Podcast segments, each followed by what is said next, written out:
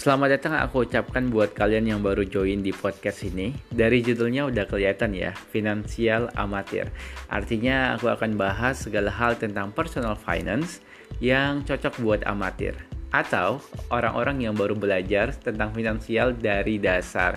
Tapi aku itu nggak pernah ngeklaim diriku itu sebagai seorang expert. Anggap aja kita sama-sama belajar di sini.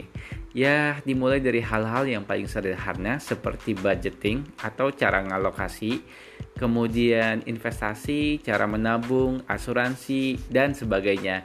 Dan aku harap podcast ini bermanfaat dan bisa jadi referensi supaya kita bisa ngatur uang dengan yang lebih baik. Selamat mendengarkan.